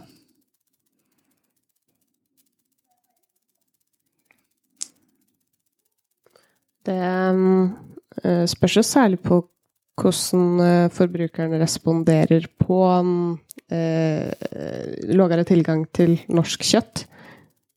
Det um, er jo Det, det, det fins jo kjøtt på verdensmarkedet som veldig gjerne vil komme inn til Norge. Eh, Haugevis av det. Eh, så det er i hvert fall en, en sånn umiddelbar eh, kommentar. Prøv å tenke litt til og så gi et enda litt mer helhetlig svar etter at Anders, Anders har svart. Ja, for det var litt sånn tulleresonnement. En ramsa jo opp alle gode formål i ett og samme ja. Men du har noen tanker? Altså, jeg har havnet i noen diskusjoner uh, Altså Det som, som, jeg tror er viktig å, å tenke på altså det, er, det, er, på en måte fint å si at hvis vi bare spiser grønnsaker, så er det good for the planet. Uh, og det er det helt sikkert. Uh, så er det ikke sikkert alle har lyst på det, for det første. Og for det andre så, så er det noe med at det dagligvarekjedene selger av produkter, det er de som på en måte sitter litt med nøkkelen, for de selger det de tjener mest på å selge uansett hva kost, uh, kostholdseksperter måtte mene om ideell uh, ideell sammensetning av kostholdet vårt. Altså, vi har jo kostholdsråd, vi lever jo ikke etter dem. Uh, mm. Så jeg er litt usikker på om, om, om, jordbruket klarer å styre det helt. Altså, vi må i hvert fall ta inn over oss at vi har noen kjøpmenn inne i bildet her som uh, selger det de tjener mest penger på å selge. Og det kommer de til å fortsette med. Mm. Ja, og så er jeg også uhyre bekymra for at en teoretisk fjerning av subsidier til kjøtt vil gjøre at vi får et enda mindre ideelt uh, dyrehold uh, enn en dagens situasjon. Vi vil, vil jo aller helst ha en eh, forbedring i dyreholdet, men hvis en fjerner subsidiene, så produserer en vel kanskje det som er eh, billigst, og da er det Ja. Jeg veit ikke om det var en del av forutsetningsrekka. Med, det var kanskje det, med krav. Men Jeg tror det.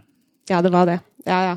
Det er i hvert fall Jeg mener jo at det er veldig viktig å eh, regulere produksjonen eh, gjennom å bruke type kvotetak og eh, gjennom å ikke subsidiere volumproduksjon. Sånn som i dag så bruker vi veldig masse penger på å subsidiere eh, kraftfôr. Og veldig masse penger på å subsidiere sånne ting som at eh, en sau eller ei kyr eller um, Kanskje også gris, det er jeg usikker på, men i hvert fall at sau og kyr skal være størst mulig når de kommer fram til slakt, som jo er volumdrivende subsidier. Mens hvis vi dropper de volumdrivende subsidiene og vrir det over på eh, der dyra kan bidra positivt til f.eks. karbonbinding i jord, til eh, biologisk mangfold og land landskapspleie, og til dyrevelferdstiltak, eh, og mer kretsløp av, av næringsstoff, veldig viktig, så, så tror jeg at vi får til eh, veldig masse av de positive effektene du hadde på lista di til slutten av, av ditt resonnement. Mm. Men det er litt sånn gitt markedet. Altså jeg synes jo at vi veldig ofte, når vi diskuterer nesten alle disse forskjellige tematikkene vi har vært innom i dag, så kommer vi på et, på et eller annet vis tilbake til disse, til disse kjedene. Eh, og, og til markedet og, og distribusjonen og sånn. Det blir jo eh, jeg får en sånn økende frustrasjon. Hva, hva gjør vi med det? altså, det kan jo ikke Altså, hvis, hvis vi sitter her Eh, og alle er på en måte enige i problemstillingen. Selvforsyningsgraden er for lav. Eh, Vi må ha mer lønnsomhet for bøndene. Eh, Vi vil ha lys i glasa. eh, Og folk boende på de høyeste fjell og den innerste fjord. Men så er det liksom Reitan som er problemet hver gang. Hva, hva, hva Kan man gjøre noe med det? Må vi liksom ha en lov?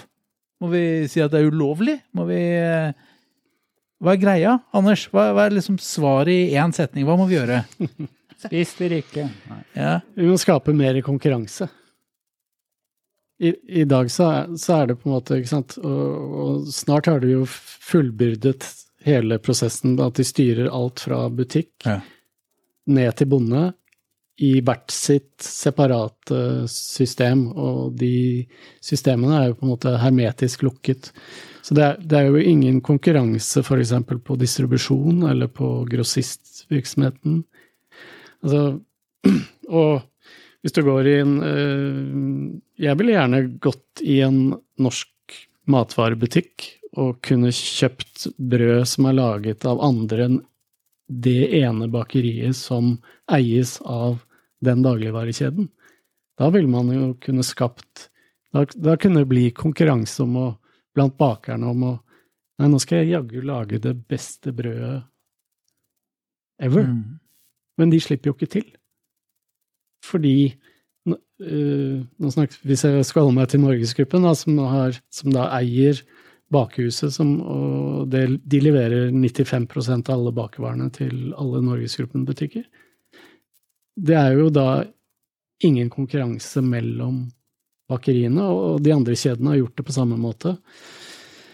Samme har du i og for seg på, på kylling, som også har blitt sånn ren kontraktsproduksjon. Altså Reitan eier norsk kylling, og, og du har samme konstellasjoner på på altså Coop er, eller Stolte Hane er integrert i Coop. Jeg ville heller sett at norsk kylling kunne konkurrere med uh, Stolte Hane og Prior om å komme inn i alle butikkene. Da kunne vi virkelig fått konkurranse som hadde skjerpet de tre aktørene. Men kjedene velger da heller For jeg ser jo også at det gir jo de gir jo kjedene effektiviseringsgevinster å ha det så integrert som de har det, og slippe å bytte leverandør uh, annethvert år. Mm. Fordi en baker har lagd et brød som er mye bedre, så er det, så er det mye enklere å Og det, det brødet det koster jo 42 kroner, eller altså tilsvarende vår kjøpekraft uh, uansett. Så for kjedene så er det jo mer lønnsomt å sørge for at det ikke er noe konkurranse. Men vi er jo skjønner, ønske, vi, vi, nå ønsker vi jo også konkurranse. Mm. Men vi kan jo ikke ønske oss det, for at de sitter jo med bukta begge ender nå. De har jo, de har jo lagd en, en, en ekstremt eh, god konstruksjon som det er jo helt umulig å bryte opp, og de har eh, hele det norske markedet. Å komme som en ny aktør inn i bildet her vil jo være ja, umulig. Ja. Det er jo derfor de har gjort det, Ja, ja, ja. Så hva kan vi gjøre med det? Da må det bli lov, da. Ja, det jeg, tror, jeg har snakket med politikere, jeg trenger ikke nevne navn, men eh, de bare sa det rett ut at vet du hva, fra tidlig 90-tallet så har vi sovet i timen. Vi har latt de styre og under påskudd av at dette her blir så effektivt, og i den litt sånn naive troen på at kjedene gir effektiviseringsgevinstene videre til forbrukerne. Mm. Det gjør de ikke. Nei. Altså, app, jeg vet ikke om det er noe godt eksempel, da, men Apple produserer ikke telefonene sine i Kina for å gi bort den kostnadsbesparelsen det medfører for Apple. Selvfølgelig ikke. Det er ingen som gjør. Men der har nok rett og slett politikerne tenkt at så lenge de bygger disse såkalte effektive øh, verdikjedene hver sin, så er det bra for forbrukeren, men øh, Ja, de er jo effektive. De er ikke bare såkalt effektive, de er jo kjempeeffektive. ja, ja. Her nærmer vi oss et av de beste svarene vi har fått til Bare Liberal, egentlig, på det der store, grandiose temaet vi har prøvd å bruke den podkasten her til å besvare, egentlig.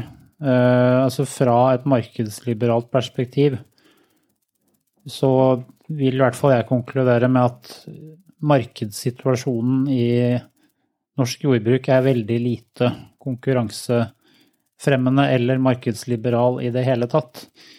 Det jeg ikke skjønner oppi det her, er hvorfor av verden ikke Konkurransetilsynet i Norge eller EUs konkurransetilsyn eller noen andre bryter opp det her. Altså, det her er jo konkurransehemmende. Det, altså, sånn som dere forklarer det, så virker det som et mirakel, egentlig, da, når f.eks. dette nye Sogn frukt og grønt SA oppsto her forleden som et sånn stort nytt pakkeri. Det virker jo som det er et mirakel oppi Så hvorfor, hvorfor blir det ikke brutt opp? Eh, På meg så virker det som at eh, Konkurransetilsynet er jo betydelig mer opptatt av leverandørmakt og ikke av kjøpermakt. Og der tror jeg de burde snu, snu seg rundt og tenke hvem er det som egentlig sitter med makten i disse verdikjedene? Da tror jeg de vil måtte konkludere med at det ikke er de store leverandørene. For det er rett og slett altså, satt, satt litt på spissen, da, som jeg liker å gjøre det, så, så er jo på en måte konkurransen i dagligvaremarkedet primært en konkurranse om å sikre seg lokasjoner, altså å bygge opp nok butikker. Norgesgruppen gjorde det kjempeeffektivt. Sørget for at de fikk slengt opp sjukt mye butikker, som igjen ga øh, markedsandeler og innkjøpsmakt. Og så er jo hele den Og noe av grunnen til at vi har fått den derre, kall det systemintegrasjonen, er jo nettopp fordi Norgesgruppen på et tidspunkt var så dominerende at de, de fikk jo mye bedre Altså, de vant høstjakta hver gang. Så da ble på en måte svaret fra de andre å på en måte unngå høstjakta og heller integrere leddene foran seg i kjeden. Det er litt sånn beste, bestevenna-strategi. Nå var ikke den spesielt vellykka, men, men det er på en måte det samme Det var på en måte et svar på at Norgesgruppen alltid vant høstjakta. Og så-. Og så har Norgesgruppen måttet gjøre det samme, fordi de har sett at det er effektivt, da. Men, men enden på visa blir jo dessverre at det er eh, tre aktører som bestemmer minst like mye over norsk matpolitikk som både Landbruks- og matdepartementet og jordbruket sjøl gjør. Må, ja. Tida går fort i godt lag, eh, og vi må ta for oss dagens eh, siste tema også vi rekker det. For jeg vet vi har med oss mange økovenner her i salen, og som hører på også sikkert. Så vi vil gjerne snakke om det litt til slutt, som eh, de mer sånn alternative, alternativene for fremtiden, hvis vi kan kalle det det. Margit, eh, forklar oss hva, som, eh, hva økologisk eh, jordbruk er, gjerne også regenerativt landbruk.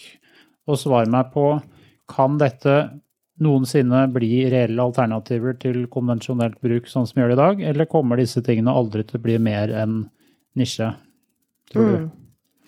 Godt og viktig spørsmål. Økologisk jordbruk er jo jordbruk som ikke bruker eh, eh, sprøytemidler, giftsprøytemidler, og som ikke bruker eh, kunstgjødsel.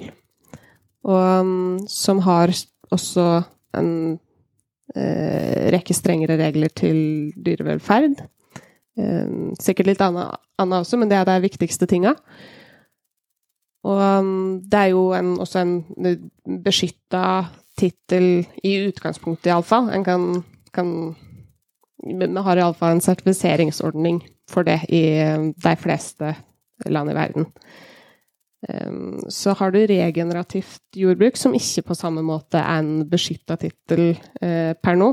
Men, ehm, så, så, forklaringene på hvor konkret det er for noe, det eh, kan jo variere litt. Men hovedprinsippet med regenerativt jordbruk er at det skal Eh, altså regenerere både jorda og gjerne også økosystemet tilknytt matproduksjonssystemet. Altså skape en forbedring i eh, fruktbarhet i jorda, karbon, eh, jordliv, og også liv rundt eh, ja, f.eks. For, for pollinerende insekter og Eh, og, og, planter og fugler i tilknytning til matsystemet. Det er i hvert fall slik jeg forstår regenerativt jordbruk. Eh, og det går an å være eh, å drifte etter regenerative prinsipper uten å være fullstendig økologisk Eller uten å være økosertifisert. Og det går an å drive økosertifisert uten å drive etter regenerative prinsipper, for så vidt. Um, og jeg tenker at begge uh, innganger til uh, matproduksjon er veldig viktige. Uh, og vik viktige å styrke og støtte, fordi at det um, er så stort artsmangfoldstap, og det er en så stor forringing av jordsmonnet som vi har på planeten, og fordi at vi har Særlig på kunstgjødselsida, da forskyver eh, nitrogen- og fosforbalansen på planeten alvorlig eh, de siste Særlig de, altså de siste 100 åra. Um, ja, for kunstgjødsel ødelegger jo jorda. Det utarmer jorda per definisjon. Ja, og så er det jo også det at en, ut, en, en tar ut og tilfører plantenæringsstoff til planeten egentlig. Altså først til jorda, men det blir liksom borte litt. Det er derfor en hele tida tilfører nytt. Det er veldig lineært. Og det, ender jo opp i naturen. Og naturen har nå et sånn i gjennomsnitt et uh, Jeg husker ikke om det er dobbelt så stort nitrogen, uh, mengde nitro, plantetilgjengelig nitrogen kontra det det var i førindustriell tid. Det er veldig Har veldig masse å si, da for, for, økosystem. Så det å få til en sirkulær gjødsling vil være viktig for natur.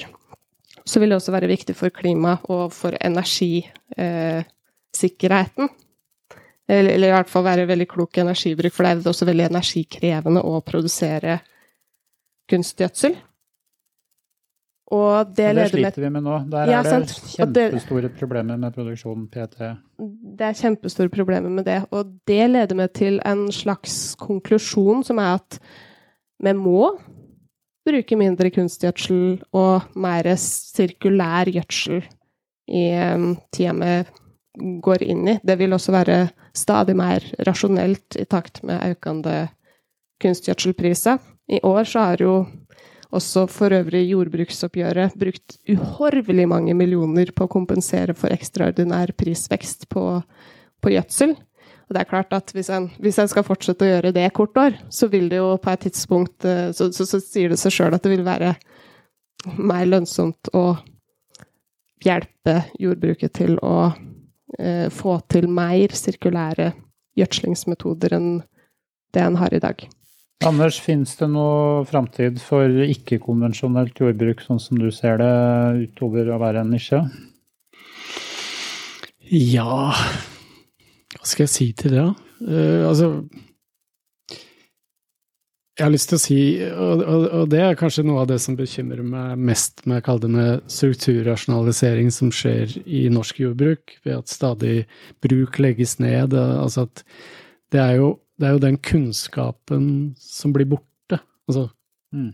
kunnskapen, den er stedegen. Altså, det er, det er noe Én ting er å drive med planteproduksjon i Østfold, det å drive det i Finnmark er noe helt annet. Uh, og jeg er i og for seg helt enig i at vi, vi antageligvis må se oss om etter bedre løsninger enn å bare pøse på med kunstgjødsel.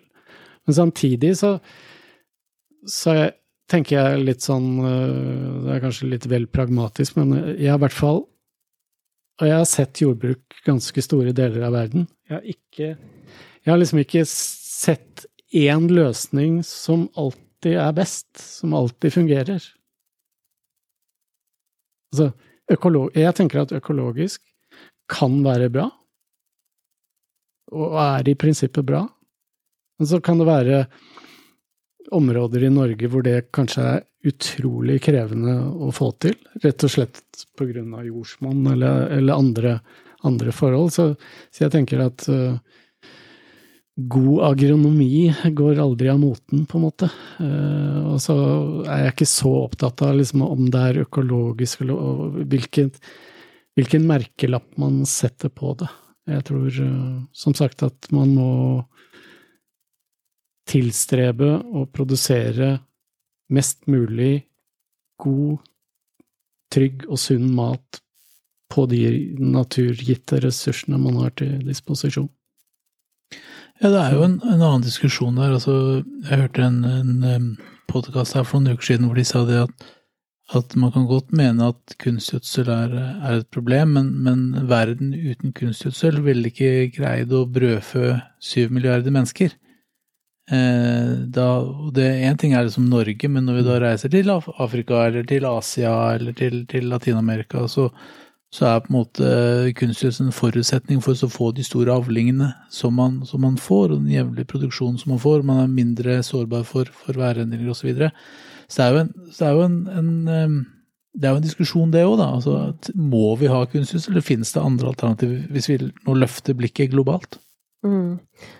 Ja, det er veldig relevante spørsmål, og det er også veldig viktig å ta inn over seg at dagens matproduksjonssystem er avhengig av eh, kunstgjødsel over eh, ja, store deler av fjøla.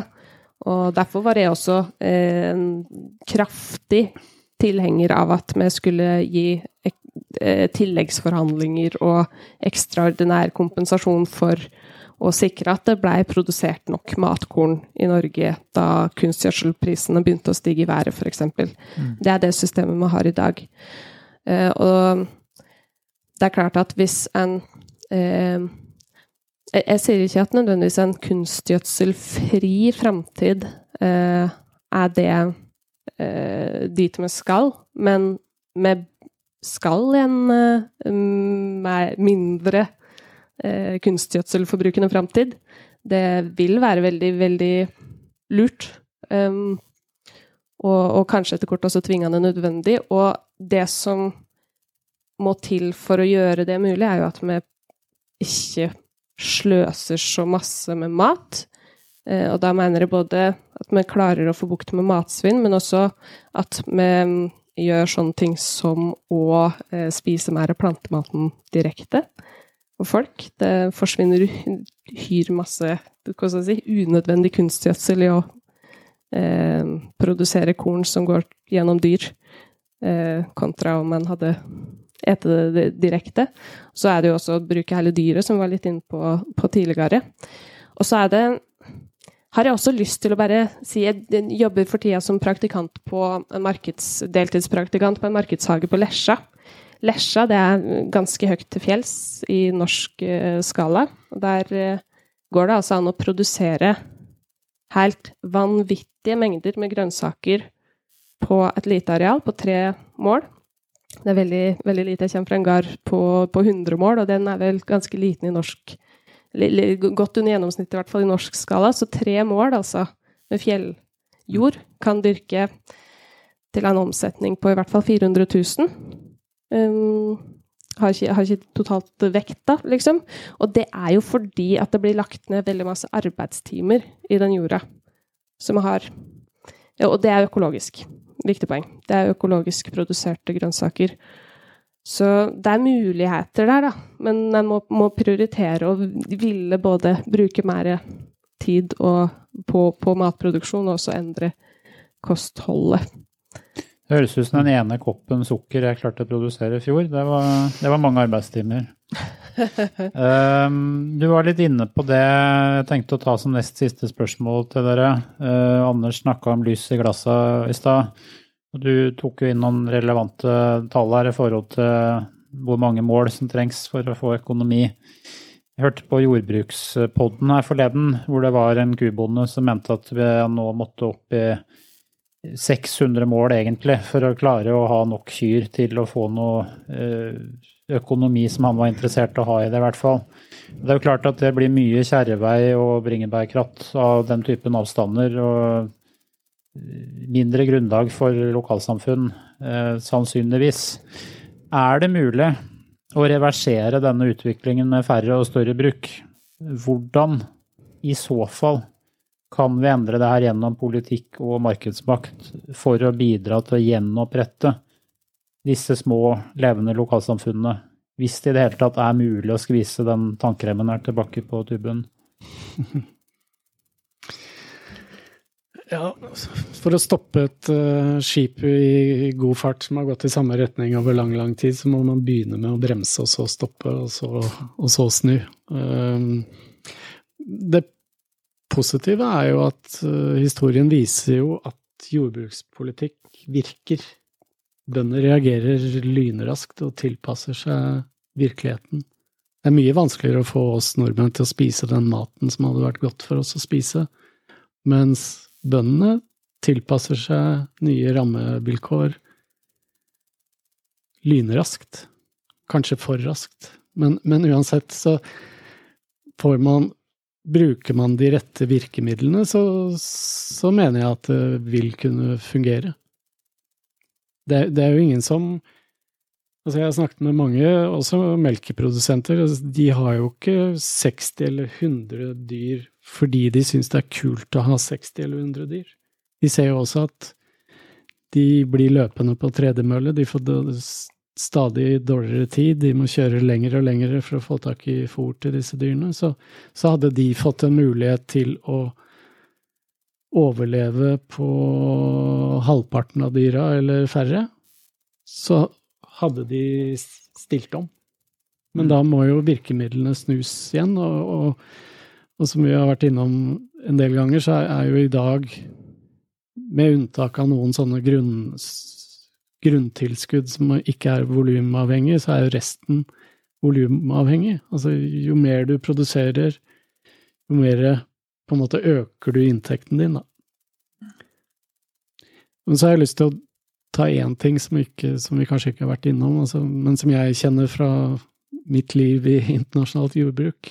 Det er det er rett og slett dette med jordbrukets økonomiske tredemølle, som funker sånn at enhver effektivisering man gjør, enten om det er eh, teknologisk eller eh, nye dyrkningsmetoder eller kunstgjødsel eller hva det er for noe, det gir et lite fortrinn en liten stund. Nok til at de minste forsvinner ut, men så synker prisen. Og det tror jeg Jeg har jo snakket med, jeg har mye kontakt med disse bondeopprørergutta. De, de er jo nettopp eksempler på noen som fulgte de politiske signalene fra Listhaug og sånn med frislipp og De skaffa seg både åtte, ni og ti gårder, og har nå innsett at det funker jo ikke, det heller. Så jeg er ganske sikker på at alle de, hvis de hadde fått muligheten til å snu rundt, så hadde de gjort det. Mm. Men da må vi endre på virkemiddelbruken. Ellers så, så vil det bare fortsette.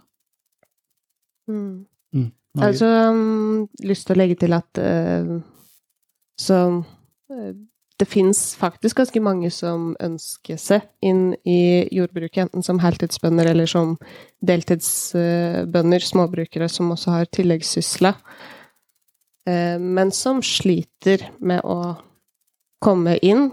Dels fordi at det har blitt sånne tilstander, og at de blir fortalt av rådgivningsapparat også. At du Ja, nei, du må ha så og så mange Altså, du må ha veldig mange eh, kyr og mjølkerobot og ti eh, millioner investering i fjøs. Og så at det, det er en så, så, høy terskel da, på det som er den, den vanlige jordbruks... Eh, eller som har blitt den konvensjonelle jordbrukskursen. Den er veldig vanskelig å komme inn i nå, særlig siden en har en eh, sentraliserende politikk. Men så er det også litt for vanskelig å komme inn eh, småbruksvegen.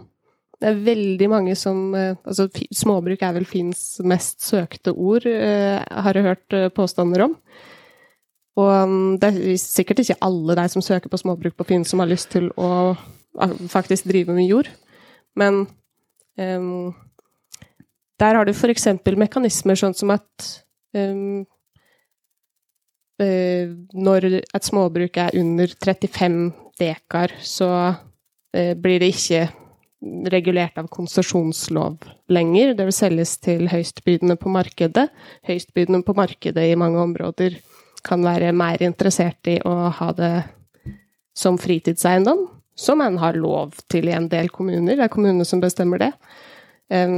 Høystbydende på markedet kan også se at å, denne tomten her har potensial for utskilling av hyttetomter. Det er, det er masse sånne mekanismer som gjør at prisene blir så høye at de som faktisk har lyst til å drive jord, ikke heller slipper til der de kunne hatt økonomisk mulighet til å starte opp da, med en eller annen grad av, av produksjon, og kanskje da en mer alternativ retning.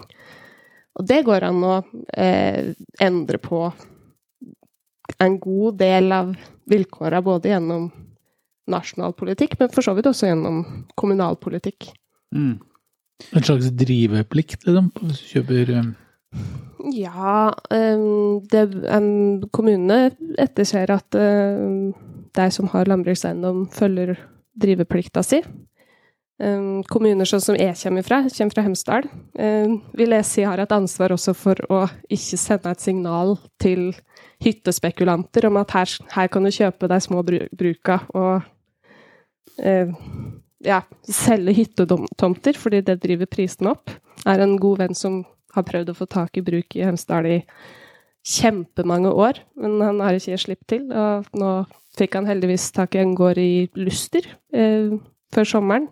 Men det er jo synd at sånne som han ikke får slippe til av eh, prisdriving på landbrukseiendommer som drives av, av andre grunner enn at eh, folk har lyst til å ha jorda for å drive med matproduksjon. Mm. En ting er prisdriving på eiendom, det andre jeg tenkte å hive inn, er jo det du var inne på i forhold til den tredemølla. Jeg registrerer jo at Innovasjon Norge stimulerer til en del ting som eh, Altså investeringer som krever inntekter for å kunne være realistisk og dekke en egenandel som er helt umulig for de fleste å oppnå på å være jordbrukere. Mm. Altså, det, så vidt jeg skjønner, da, store deler av støtteordningene krever jo at du har store inntekter fra biarbeid for å kunne dekke egenandelen for å få en investering til en næringsvirksomhet som du tydeligvis da ikke har råd til å drive med. ja, ikke sant. Du ville jo aldri fått lån i banken til sannsynligvis? Nei, nei. Og det er jo at uh, Ja, vi kan, kunne sikkert sagt mye om uh, Innovasjon Norge og på en måte støtten til investeringer, eh, den bærer jo litt preg av at staten på en måte tilbyr investeringsstøtte for at jordbrukeren skal gjøre investeringer som han ellers ikke hadde gjort, og som per i dag staten på en måte garanterer at han får en negativ eh, avkastning på. Mm. Det er litt å lure folk, syns jeg. Men eh, jeg har også lyst til å skyte inn, hvis jeg har tid, kjapt altså, I en ideell verden, si at vi, vi mener at eh, vi burde dyrke mer grønt og spise mer grønt. Så I en ideell verden så ville vi kanskje ja, Vi burde jo ha mange småskala grønt- og frukt- og bærprodusenter i Norge. Der kommer jeg tilbake til eh, mine venner i dagligvarekjeden som som sier det er ikke vi interessert i.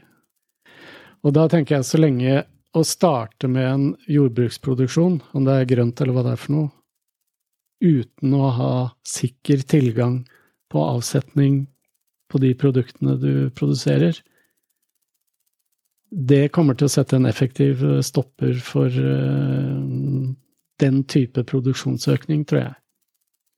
For kjedene ønsker jo Kjedene og i og for seg Gartnerhallen, de ønsker jo på en måte, og du ser det jo De ønsker en sentralisering, de ønsker store produsenter, få produsenter eh, som produserer masse.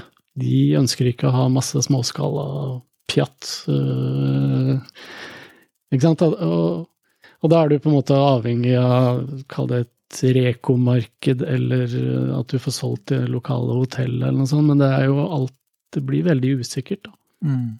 Mm, og det blir også usikkert for deg som på sikt kanskje kan tenkes å bli store, men altså, du begynner jo ikke med eh, eh, sånn 1000 tonn gulrot.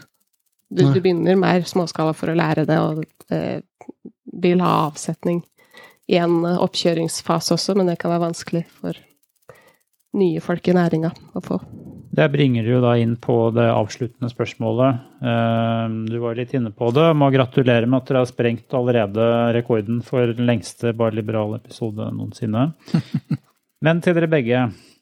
Finnes det en alternativ vei som både kan gi oss levende lokalsamfunn, helårsbønder med anstendig inntekt, alternativt frivillige halvtårsbønder med anstendig inntekt, sunnere kosthold, bedre dyrevelferd, lavere klimautslipp og bedre naturavtrykk, samt god nok selvbergingsevne for Norge. Ja. Ja! Ja! Ja, nei, men det, det er klart det, det går an, det. Man, eh, historien har jo vist at det er mulig å drive det andre veien. Man har klart å halvere antall bønder og sørget for at eh, alle, alle må bli større. Så går det an å, å snu på det.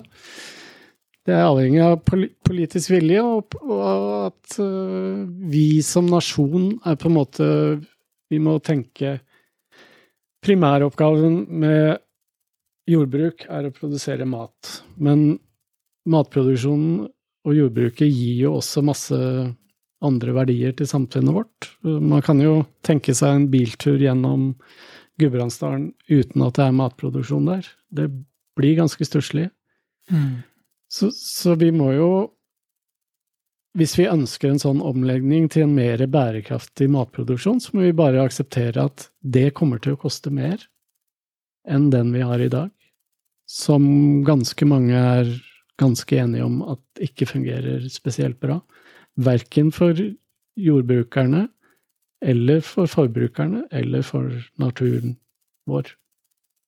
Så vi må gjøre som sveitserne, rett og slett. Vi må bare bestemme oss. Og så må vi se hva det koster, og så må vi fordele de kostnadene på en fornuftig måte som gjør det gjør, gjør at alle får det bra.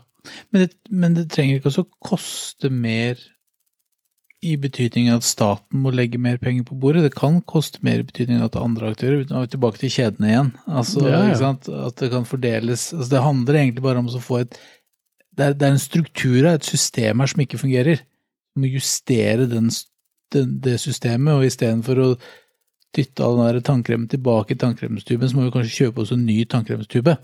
Og, liksom, og, og rigge dette på nytt. Skulle vi rigga det i dag, så hadde vi ikke rigga det på den måten her. Er- dette her er, det, er liksom, det, har, det har skjedd ting over tid som vi nå ser eh, har gått i feil retning. Mm. Margit, vil du utdype ditt ja til spørsmålet? Ja, så um, henter mye inspirasjon fra alpejordbrukspolitikken, som um, eh, vi ser både i deler av Østerrike og i Sveits.